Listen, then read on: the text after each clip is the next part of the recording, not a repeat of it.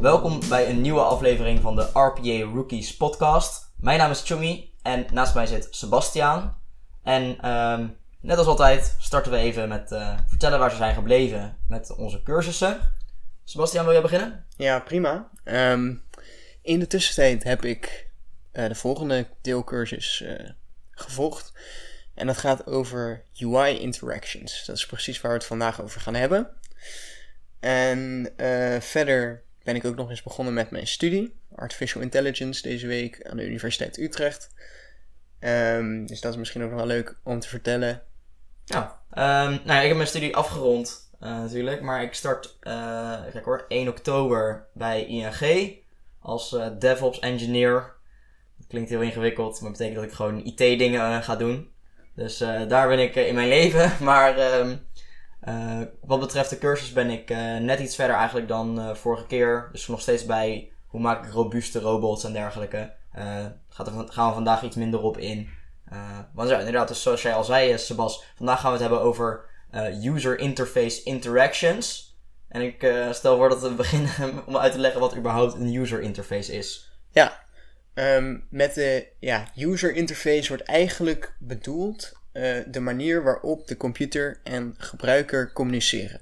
Dus dat heeft te maken met het scherm, de output van de computer en het keyboard, de input van de computer. Ja, ja precies. Dus ehm, ja, vaak hebben niet alleen eh, de toegankelijke laptops of eh, desktops zo'n user interface, maar bijvoorbeeld ook de mobiele app op je telefoon. Dat noem je ook allemaal een user interface. Ja. Ehm, en een goed om rekening mee te houden is dat een user interface altijd uit verschillende eh, netjes opgebouwde, gestructureerde elementen bestaat. Dus je begint eigenlijk altijd bovenaan de pagina. En dan heb je bijvoorbeeld een element en dat heet header. En dat gaat over het bovenste stukje van een pagina.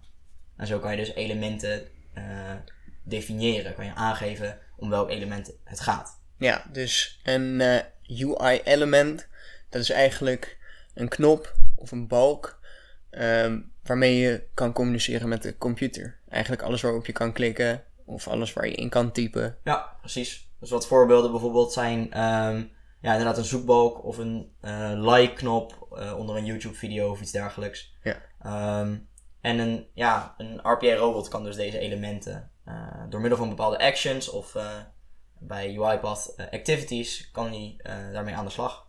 Ja, ja, ja. Dus ehm, zo kan je met de action click kan je klikken op een, eh, op een zoekbalk. En vervolgens kan je bijvoorbeeld met de action eh, type into daar iets intypen. Ja, ja precies. Dat is eigenlijk precies eh, waarvoor die UI-elements eh, eh, bestaan. Oké, dus dat zijn allemaal input methods. Dingen die je als input geeft in de computer.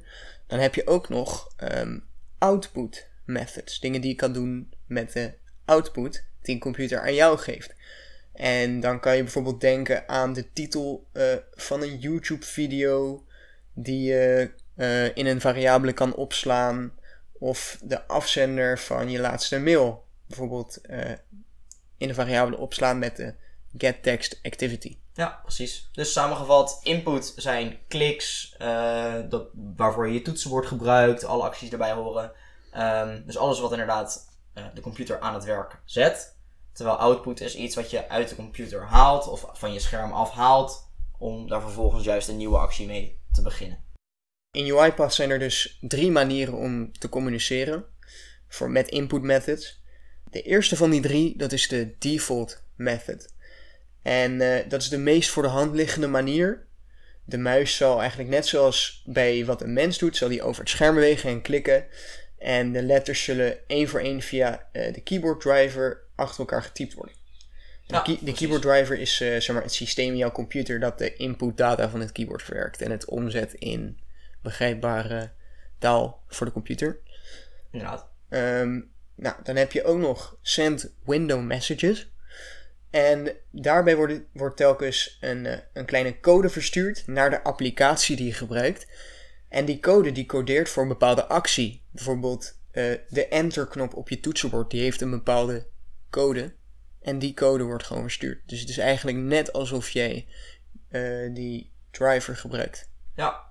Ja, het is inderdaad, zoals je het zegt, eh, Sebas. En waarbij dus die tweede, dus die send window messages activiteit, heel duidelijk eigenlijk simuleert wat een persoon normaal zou doen. Terwijl de default ehm, manier, method, Ja. Die doet letterlijk wat een normale Ja. persoon ook zou doen. Dus ook eigenlijk eh, ben je je scherm kwijt op het moment dat je default gebruik maakt, toch? Ja, precies. En eh, dan blijft er nog eentje over. Simulate, wat is dat precies?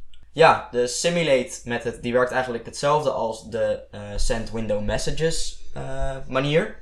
Het enige verschil is dat hij vaak wat sneller werkt nog. Maar als beperking heeft hij dan dat er geen hotkeys kunnen, mee, kunnen worden meegegeven aan een opdracht. Dus bijvoorbeeld, waar Sebastian net over had, een enter key geef je normaal aan met bijvoorbeeld blokhaken en dan eh, de K van key, de letter K, met daar, daarachter het woord enter. Dus dan weet het programma, oké, ik moet nu op de enter knop klikken. Maar Simulate neemt dat dan letterlijk over. Dus dan krijg je wat errors en wat foutmeldingen. Dus dat is de beperking die daar, eh, die daar hela- helaas aan vastzit. Ja, goed dat je dat eh, inderdaad even aankaart. Want iedere manier heeft natuurlijk zijn eigen voordelen en nadelen. En wat zijn die precies? Ja, ehm, dus even kort samengevat. De default en send window messages die zijn beide net wat trager dan Simulate. Ehm, maar daar staat dan wel tegenover dat die Simulate minder goed aansluit. Eh, dus in sommige situaties, eh, een voorbeeld daarvan kan zijn, onze eigen robot bij RPA Nederland, Josephine, die scrapt eh, nieuws. En daarbij wordt er dan ook eh, een best wel lange string ingevoerd ergens. En ik wilde die heel graag met een simulate eh, methode verwerken in het programma. Maar dat lukte niet, want dan kreeg ik allemaal foutmeldingen, omdat ik dus hotkeys gebruikte. Dus toen ben ik toch overgestapt naar een eh, send window messages methode. waarbij ik de, ja, de tijd tussen de toetsaanslagen zo kort mogelijk heb gemaakt, zonder dat hij nog fouten maakt. Dus daarmee optimaliseer je dan toch nog wel weer de snelheid van het programma. Ja, de default eh, methode die werkt eigenlijk, zeg maar, ja, bijna altijd. Maar dan moet je wel zorgen dat, ja, de, al je, je windows die openstaan niet helemaal door elkaar staan. En eh, het, is, het is soms wel een beetje tricky. Want het kan zijn dat hij bijvoorbeeld ver- ergens verkeerd klikt omdat er net iets is veranderd. Ja. Of zo. Ja, waar je gewoon rekening mee moet houden is dat bij de default method dat hij ehm, ook wat simpeler zal denken. Dus op het moment dat er meerdere browsers openstaan, dan moet je heel duidelijk door middel van een selector aangeven eh, welke window het is, welke knop er geklikt moet worden eh, enzovoort. Want anders gaat hij daarin echt fouten maken. Nou, dan eh, hebben Send Window Messages en Simulate nog een bijkomend voordeel. En dat is eigenlijk dat ze in de achtergrond werken. Dus dat betekent, de default methode die maakt echt gebruik van jouw cursor. Dus als je het programma uitvoert op je computer, dan kan je niet meer jouw computer gebruiken tijdens het proces. Op het moment dat je namelijk eh, zelf je muis gaat bewegen, dan breng je die hele eh, robot in de war. Maar dat is niet het geval bij Send Window Messages en Simulate. Ja, dat klopt. Ja, en eh Chumi, je had het net al over een selector, maar wat is dat eigenlijk precies? Ja, dus een selector zit al een klein beetje in de naam. Die geeft aan welk stukje van de user interface er geselecteerd moet worden om de bewerking op te doen. Dus voor het gemak nemen we even het voorbeeld van ehm, een teksttype in een zoekveld bijvoorbeeld. Dan zal de selector zal zijn het stukje XML-code. En XML is een soort van programmeertaal die heel gestructureerd eh, user interface kan ja, weergeven eigenlijk. Vormgeven. Vormgeven, precies. Ehm, en door het stukje XML te pakken wat eh, die zoekbalk betreft, kan je dus aangeven: ik wil echt per se in deze zoekbalk en geen andere op een pagina bijvoorbeeld. Per se in deze zoekbalk wil ik mijn zoekterm invullen. Ja, precies. En die selector die eh, krijg je eigenlijk door bij die eh, actions te drukken op de klop, eh, knop Indicate Element. En dan kan je hem dus aanklikken op je scherm. Ja, precies. Dus je kan hem vaak op die manier vinden. Er zijn ook nog meerdere hulpmiddelen binnen UiPath ehm, om het juiste element te vinden en dergelijke. En je kan ook nog zelf bijvoorbeeld eh, even in de HTML-code van de webpagina kijken. Soms kan je daar nog wat wijzer van worden, zodat je heel specifiek een bepaald element kan selecteren. Ja, nou duidelijk. Dus eh, dat is hoe het in UiPath zit. Precies. Ja. Hoe gaat het er dan in Automation Anywhere aan toe? ja, het is nog best wel lastig om te vinden eh, of daar ook XML gebruikt wordt. Ik heb er echt mijn best voor gedaan. Ik ben helaas ook nog niet bij dit stuk eh, in de Automation Anywhere cursus. Dus Ja. dat, is, dat komt gewoon wat later. Het is iets geavanceerdere eh, technieken zijn het. Dus dat komt helaas later. Ehm, maar wat ik wel weet is dat het zeer waarschijnlijk op XML gebaseerd is. Omdat XML is gewoon een ja, hele eh, populaire ja, programmeertaal om dit soort dingen te structureren. Ehm, binnen Automation Anywhere- kan je wel degelijk dezelfde activiteiten programmeren. Dus je kunt inderdaad een zoekveld selecteren. Ehm, het is iets intuïtiever in eerste instantie. Wat ik daarmee bedoel is dat je heel duidelijk, dat hebben we al eerder gehad bijvoorbeeld met de tabellen, dat je heel duidelijk in de editor, of in, hoe noem je dat, de IDE eigenlijk, ehm, een overzichtje krijgt van welke window wil ik selecteren, welk element, is dit een HTML element of is het bijvoorbeeld een tabel-element. En dat zijn allemaal opties die je dan aan kan vinken, zonder dat je zelf die XML, of die, eigenlijk dus die selector, hoeft te vinden of te typen. Dat wordt allemaal een beetje voor je uitgestippeld. Dat maakt het dus makkelijker, maar voor mijn gevoel maakt het tegelijkertijd ook een beetje beperkend. Omdat je dus niet super specifiek iets aan kan ehm, klikken bijvoorbeeld, of ergens iets kan typen. Ehm, ik heb nog wat meer research gedaan. Er bestaat wel bijvoorbeeld een eh, XML command action. Eh, maar wat daar precies mee kon, was me nog niet helemaal duidelijk. Want dat is dus echt wel wat vergaandere dingen. Dus dat komt waarschijnlijk vast nog wel een keer voorbij in de cursus die ik volg. Maar ik ben daar nu nog niet. Het enige wat ik weet is dat je daarmee ehm, ja, de XML kan aanpassen eh, door die activiteit. Dus ik ga ervan uit dat je dan ook eh, daarmee een eh, element kan definiëren. Dus dat ja, zou dus wel echt, helpen. echt de XML specificeren. Juist, precies. Ja. Nou, een, een bepaald voorbeeld ehm, van UI interactions, dat is het kopen van een pakketje bij de webshop. Je kan dan sowieso natuurlijk de hele aankoop al programmeren, maar waar ik meer iets uit, over uit wil leggen is eigenlijk het eh, invoeren van jouw adres. Op het moment dat hij vraagt van waar moeten we het pakketje naartoe sturen.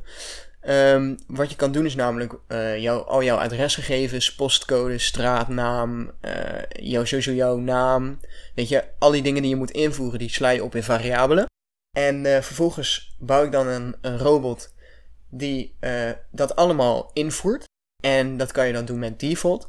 En eh, dan gaat hij dus telkens klikken, typen en weer klikken, typen. Het gaat allemaal real time. Ja. Het gaat allemaal ten koste van het gebruik van je bijvoorbeeld laptop of desktop op dat moment. Ja. Dus dat is dan al een nadeel. Ja, precies. En eh, ja, met Simulate, dan zou hij het eigenlijk ook eh, telkens kunnen typen. Alleen hij kan natuurlijk geen hotkeys gebruiken.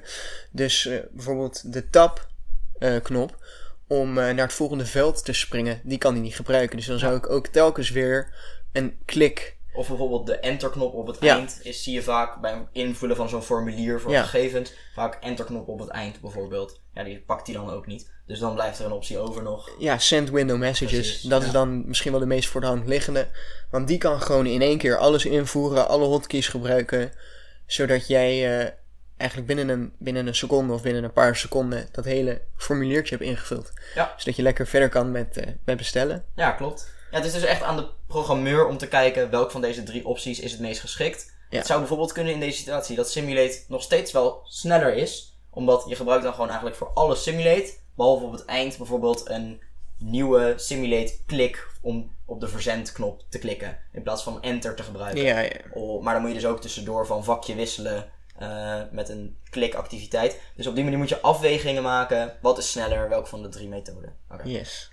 We hebben het sowieso nu over de, die drie invoermethoden gehad. We hadden het aan het begin kort ook al even over output methods. Dus user interface output methods. Ehm, ja, dat vergt wel een heel nieuwe aflevering eigenlijk om het daarover te hebben. Een van de dingen die we bijvoorbeeld daar graag nog ehm, willen behandelen is een screen scraping activiteit. Waarbij je dus informatie haalt van een webpagina en die opslaat in de vorm van een variabele. Meestal een datatable.